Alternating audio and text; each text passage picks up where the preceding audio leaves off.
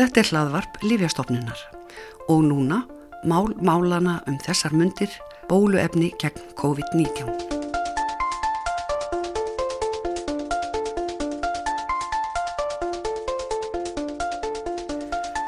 Þegar þetta er talað 15. desember 2020 er staðan svo að bólusetning er hafinn í Breitlandi og Bandaríkjunum með bóluefni Pfizer og BioNTech samkvæmt svo kallum neyðar eða bráðalefum en það er í raun tímabundin heimild fyrir lif sem ekki hefur fengið markaðsleifi, þetta er undanþáa.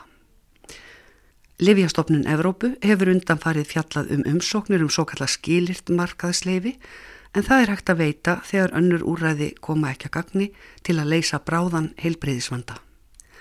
Umsóknirnar sem umræðir eru annars vegar frá Pfizer og BioNTech, hins vegar bóluefni frá Moderna.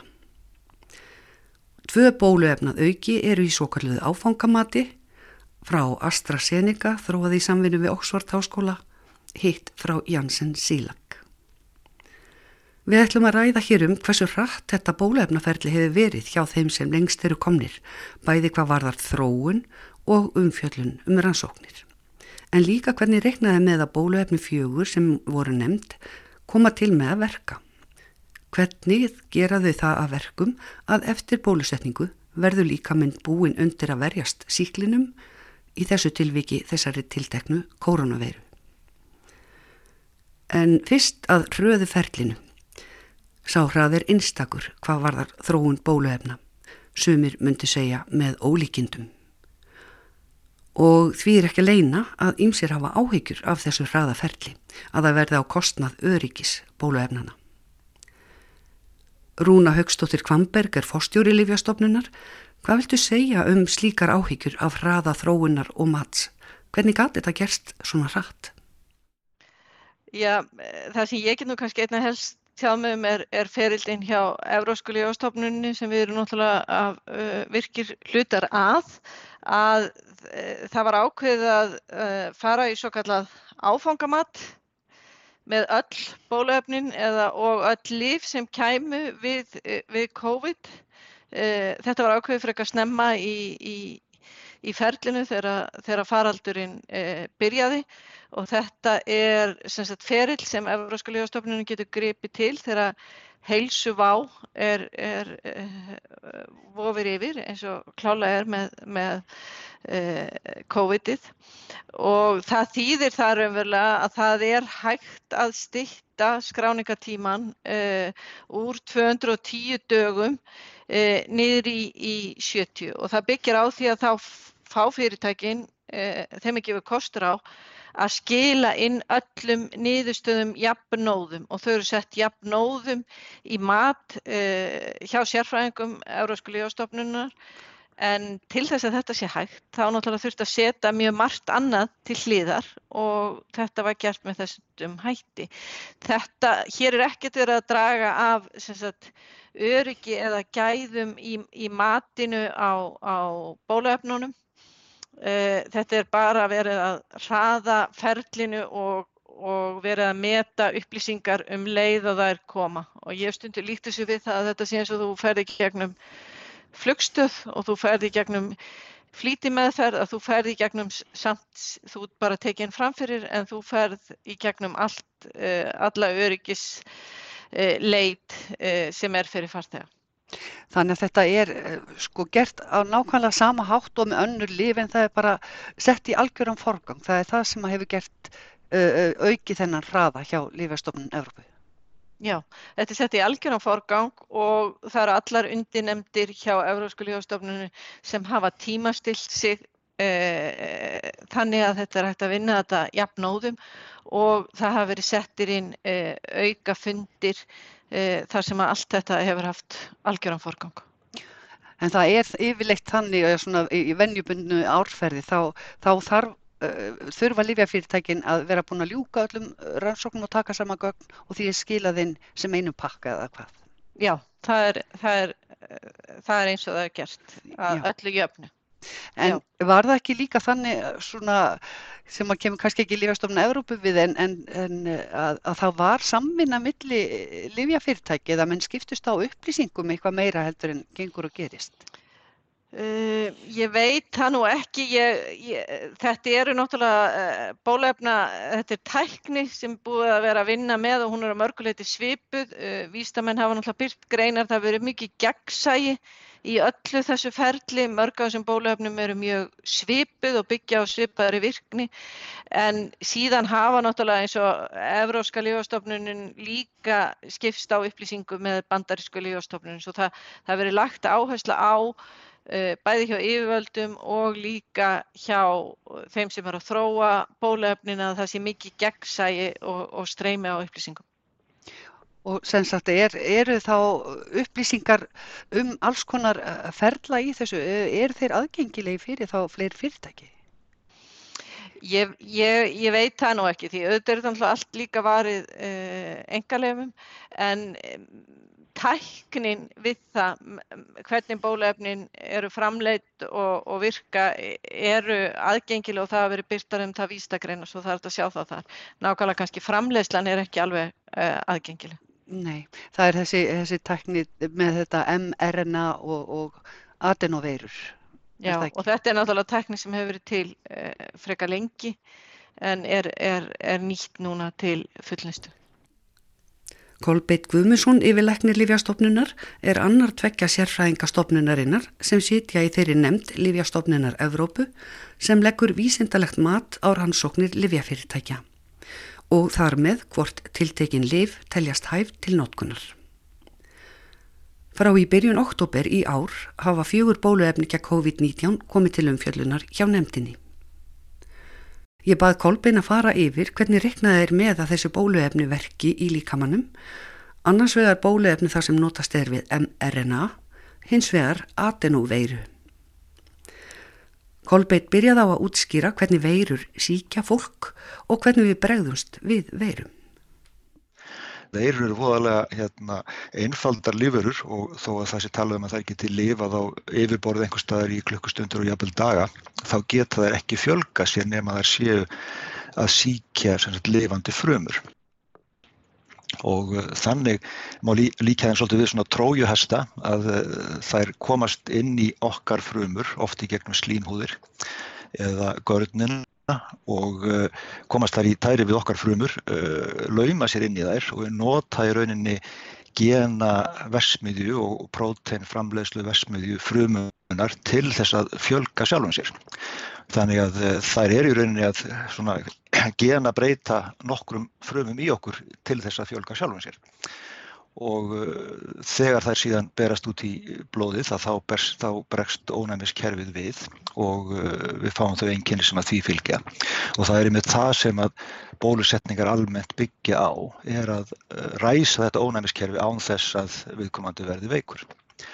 Og það er hægt að gera með því að gefa þá einstakling eh, annarkort einhverja parta af þessum veirum sem að þá ónæmiskerfi þekkir Eh, það er hægt að gefa dauðar veirur eh, sem að þá ónæmiskerfið eh, bregst við þegar það hittir veiruna aftur. Og til dæmis er flensubólusetningin, hún er, hún er yfirleitt dauð veira. Svo er líka hægt að nota lifandi veiru sem þó eru veiklaðar á þann hátt að það ná ekki að fjölga sér eða valda sjúkdómi.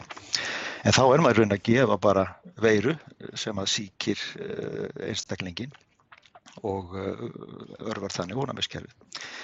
Þetta síðast nefnda er í rauninni svipað og adenoveiran eða þetta AstraZeneca bóluefni.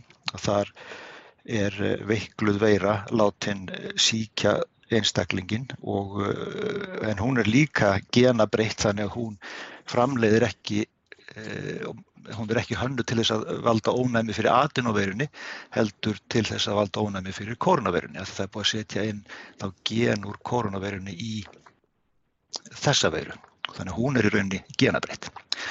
Og þannig að í sjálf sér þess að bara vera búið til svona litla síkingu í, í einstaklingu nú má segja að mRNA bólefnin séu alveg nýja af nálinni en uh, þarna er í rauninni að sömuliti verið að gera þetta á svona, hvað var að segja, smartari hátt. Þannig að í staðin fyrir að síkja þið með heilri veiru sem er þá þarna genabreitt þá er uh, þetta bólefni þannig byggt að það er bara örlítill bútur af genamengi koronaveirunar og þetta er það sá bútur sem að framleiði þessi gattaprótein utan á veirunni.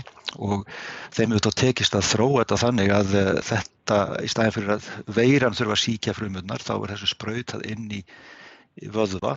Og uh, nærlegjandi frumur taka þá upp þetta, uh, þessi litlu genaskilabóð frá veirunni. Og frumurnar fara að framleiða gattaprótein sem að þá ónæmiskerfi þekkir og bregst við. Uh, en er þá ekki neinn hægt á því að, að uh, líka minn fara að framleiða of mikið af þessu gattaprótini og, og, og getur það ekki druglað eitthvað?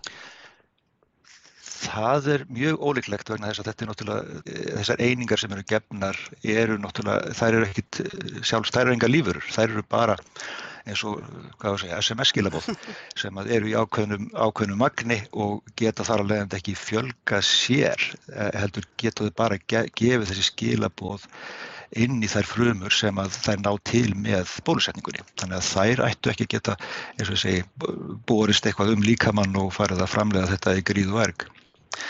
En það er búið að reyna þetta náttúrulega bæði í eh, dýrum, eh, bæði þá nagdýrum og, og, og simpönsum og áður en þetta fór nokkuð tíman í, í fólk og uh, það er komin svona þokkaleg reynsla á það tímalega séð vegna þess að fyrstu bólusetningarna voru í vor og sömar þannig að þetta eru komnir mánuðir sem að komin mánuða reynsla á, á þetta í einhverjum einstaklingum. Margir verða smekir þegar að talið best að erfðaefni og erfðabreitingum er hægt að tala um þessu bóluefni sem erðabreytt? Já, eins og ég sagði, þetta er í rauninni, eh, er, til dæmis atvinnuveran er erðabreytt vera og eh, en eins og ég betti líka upphafi að eh, þegar við síkjumst að veiru þá má segja það að veiran sé að erðabreyta okkur af því að hún er að plata þarna nokkrar frumur í okkar líka maður til þess að fara að framleiða eitthvað sem hún á ekkert að framleiða. Þannig að veirusíkingar eru þannig séð ákveðin erðabreiting hérna, eða genabreiting hjá okkur. Og uh, fólk rugglar þessu átt saman að þetta sé hérna, hljóta að vera slemt og menn verði einhverjir frankensteinar uh, eftir að fá í sig þetta erðaefni en, en eins og ég reynda að útskýra á þann þá er þetta nú uh, á mjög afmörkuðu svæði og, og þannig hann að þetta í rauninni breyti bara mjög fáum það splæsi sínum genum bara inn í fáar frömur, ekki allar mannslíkamann. Þannig að þegar þú spraut, þegar maður fær bóluefni sprautað í upphandlegg, þá verður maður átt bólgínu og auðmur akkurát á þeim stað. Eh, það er vegna þess að, þar er, eh, eru hlutunir að gerast og þar er ónæmiskerfið að breyðast við líka. Þetta breyðist í raunin ekki út um líkamann. Þetta er mjög staðbundur. Það er ónæmiskerfið sem að stoppar það síðan af. Já. Og þó að það væri ekki ónæmiskerfi þá eh, þessar veikluðu veirur og RNA getur ekki sjálfur sér eh, fjölga sér á neittnátt. Hvernig er með þessi bóluefni sem hafa verið til umfjöllunar hjá Lífjastofnun Evrópu? Þessu fjögur og tvö þeirra eru, það er búið að sækjum skilitt markaslefi fyrir tvö þeirra. Er hægt að segja eitthvað til um öryggi og virkni þessar bóluefni á þessari stundu? Það, það er ágætlega hægt að segja fyrir um uh, öryggi þeirra til skamstíma og þá vorum við að tala um 6-8 vikur hinn minsta en eins og ég nefndi á þann þá eru sumir uh, hafa fengið þessi bólefni fyrir alltaf 8-10 mánuðum síðan þeir fyrstu. Þannig að það er komin þannig reynsla á það en vissulega er það eins og með öll önnur lif að, að það geta komið upp einhverjar óvæntar uh, síðkomnar aukaverkanir sem við augljóslega getum ekki tryggt 100% en það er heldur ekki hægt með, með neinleif að vera 100% örugur eða 100% vissum að ekkert kom upp á. En eins og staðan er núna þá er ekkert sem bendir til þess og það er mjög óvenjulegt að bólusetningar hafi alvarlega langtíma aukaverkanir þessi fyrirtæki hafa mörg hver byrt ímsa niðurstöðu sjálf en uh, það er náttúrulega að livja yfirvalda hverjum stað að, að meta og, og þá staðfesta eða, já, eða ekki hvort, hvort þetta er rétt. Já og hvort þetta er rétt og hvort þetta er næjanlegt. Það er ekki verið að reyngja fólk um að þetta sé eitthvað, eitthvað ránt en það er aðalega verið að er þetta, er þetta næjanlegt til þess að hægt sé að sem þetta meta það að gagnseminn sé klárlega meiri heldur en hugsanlega skaðsemi og, og það er það sem að, þetta snýst allt saman um. En hvernig er þetta með sko áhættu uh, á, á móti sagt, ávinningi? Hvernig, hvernig er þessu stilt upp saman? Hvað er ásættanlega áhætta af bóluefni? Maður myndi sætta sig við mjög lítið gerir, eh, það er ekki hægt að sætta sig á við verulega áhættu á neitt hátt. Það er vegna þess að bólefnu það eru það sérstök, þú ert, þetta eru einu lifin sem eru gefin 20 miljónum og í þessu tilfelli miljörðum manna. Eh, það á ekki við um neinu önnu lif. Eh, það á heimbóðum og líka segja að sá fjöldir sem hefur nú þegar fengið lifin í þessum klínisku rannsóknum eru týjir þúsunda og það er einstæmi í rauninni í livjathróun að svo margir einstaklingar hafa fengið liv áður en að uh, markasleifir veitt. Er þetta mun meiri fjöldi heldur en almennt gerist? Já, í venjulegum livjaransóknum þykir mjög gott að nokkur þúsund manns hafi fengið lifið í rannsóknar, á rannsóknartímabilinu en þá er oft um að ræða liv sem eru, eru gefin daglega í, í, í vikur og mánuð ár. Eh, það er svolítið einstaktt í bóluefn og þau eru náttúrulega gefin bara einu svona tvísvar og stundum að vísu oftar. Þannig að þetta er svona, þetta er svona öðruvísi mat sem þarf að fara í gang. En eh, ymmit vegna þess hvað nótkunnin verður útbreytt þá er sagt, sættamenn sig við enn minni aukaverkanir má segja heldur en af öðrum livjum sem kannski eru að meðhundla alvarlega lífsættulega sjúkdóma hjá örfa á meinstaklingum það eru margir smekir við þennan hraða sem munum finnst hafa verið á, á þróun þessara bóluefna. Þetta okkur er sagt að það að taki alla jafna miklu lengri tíma að þróa bóluefni en nú er þetta gerast á, á, á tæpu ári. Það er alveg skiljanleg eh, svona, eh, skiljanlegt að fólk eh, hugsi sér tveisar um. En þá verður að undistrykka það að þetta text með ákveðinu til hliðrun Bæði er þetta mikil samvinna milli framleiðenda vísindarsamfélagsins og síðan yfirvalda. Mikið af þessum tíma sem að fer í matsferðlið er vegna þess að það er alltaf tekinn bara eitt skref í einu og, og það þarf að ljúka því áður en þú byrja næsta skref. Og þetta gildir bæði um þróunina sjálfa hjá fyrirtækjunum að í staðin fyrir að klára fyrst segjum músaransóknir og fara svo í aparansóknir og fara svo í menn að þá verður að gera þetta svolítið meira samhliða og taka þá bara áhættun af því að ef eitthvað mistekst þá ertu búin að eða meira púður í þetta en þú ætlaðir. En e, þannig að það er svona búið að samþjappa því svolítið en, en líka búið að eh, strömlinu laga svolítið Eh, matsferðlið eh, með þessum eh, á, áfangamat til það sem að yfirvöld taka að sér að meta í rauninni frumgögn löngu áður en að nokkur svona klínískgögn koma, koma til kastana. Þannig að þá tekur það ferli mjög skaman tíma. Að því að stór hluti af þróunar tíma livja er í rauninni þetta, þessi, þessi, þessi matsferðlar. En sem sagt það er allt gert hjá Lífjastofnun Evrópu til að hraða ferlinu en eh, sko hvað með okkar Lífjastofnun hér? Til hvaða ráða hefur verið grípið eða verðu grípið til að bóluefnið komist fyrst, sem fyrst til almennings? Ég sko, við erum ekki hluta því að, að kaupa inn eða dreifa bóluefninu hér. Við, við erum, okkar sérfræðingar eru hluti af sérfræðingateimi Evrósku Lífjastofnunum sem vinna náttúrulega dag og nótt í að að fara yfir ímsa praktiska hluti og það er ekki bara það að eh, sagt, fara yfir eh, klíniska rannsóknur og slíkt, það þarf að, að fara yfir bara merkingar og, og glös og, og fluttninga og slíkt. En það sem við komum að hérna íslenska eh, lifastofnunum þegar að bólefni komið til staðar og líka áður að það er bara að uh, hafa eftilt með því hvernig það er flutt til landsins, hvernig þið drift frá heils heilsölu og vera líka heilsugjastlunni eh, ráðgjafandi varðandi svona praktíska atrið sem koma á bólusetningunni. Svona meðferð á bóluefninu og þýmlíkt. Já, sumt og líklegast þetta bólefni sem kemur fyrst hér til landsins er, er, er nokkuð vand með farið en það fylgjaði skýra leiðbenningar. Það er uh, Pfizer bólefni sem að þarf að flytja við hvað, mínus 70-80 gráður. Já, en það má, það má geimast í læra hittastig uh, í, í nokkra daga. Svo þetta er ekki alveg eins flókið og það lítur út fyrir í fyrstu. Nei, en þannig, og, og það er eftirlit sem að Lífjastofnun hefur með þessu? Já, bara fylgja uh, því að það sé farið eftir öllu í, í þessari flutningskeðju.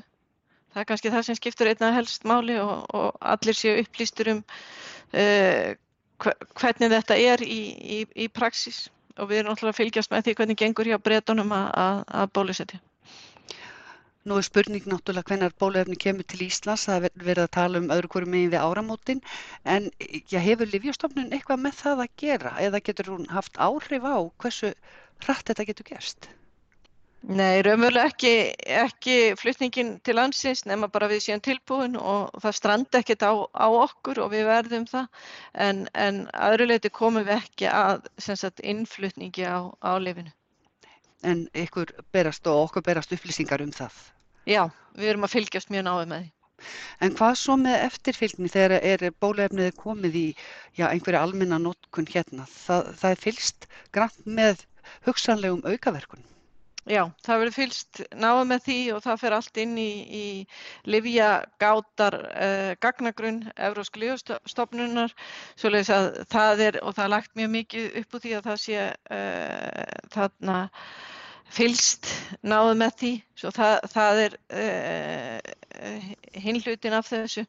Og það er alltaf ljóst að það verður bólusettur tölverðu fjöldi, það fer alltaf svolítið eftir hvað mikið magn kemur eða hvað mikið magn, hvort við fáum allt magnið í einu að fæsir bólöfninu og í hvaða rauð þetta verður tekið eða hvað margir forganshópar hægt er að bólusetja. Eh, svoleiðis að það, það verða margir eh, útsetti fyrir bólusetningu á, á skömmum tíma. En og það verður mikið verið að fylgja með aukaverkanum en það eru aukaverkan náttúrulega af öllum livjum og öllum bólöfnum og það er farið svo sem í stórar bólusetninga líka ofta á árið og þetta sé sérstakt áttak að það er náttúrulega bólusett við influensu á hverju ári. Hvernig er brúðist við ef að framkoma einhverjar, eitthvað, eitthvað mikið erum aukaverkanir eða eitthvað alvarlegt? Ég, það er náttúrulega alveg ljóst að það verða aukaverkanir, það er algjörlega ljóst, það er annað hvort það eru alvarlegar aukaverkanir og, og það er náttúrulega bregðast í þeim. Þetta fer allt saman inn í gagnagrunin og þá eru hóttiðis hvaða hópar eru að fá þessu aukaverkanir og þá mögulega breytast leiðbynningarnar með, með lifinu. En það þá... eru komnar töluvert miklar upplýsingar nú þegar um aukaverkanir. Já, þannig að eh, hugsanlega er þið þá breytt leiðbynningun hverjir mættu eða mættu ekki fá. Já, en það, það hafa alltaf stórir hópar verið útsetti fyrir bólefninu í þessum klínisku rannsókn. Erstu bjart sín á að þetta virki? Já, ég er afar bjart sín að það virki. Það er ekkert sem bendir til og það verist vera mjög góð verkun. Samkvæmt þessum rannsóknum sem að já, nú þegar leggja fyrir. Leggja, leggja fyrir. Já, þannig að við getum verið vongóð með þetta. Já, það held ég.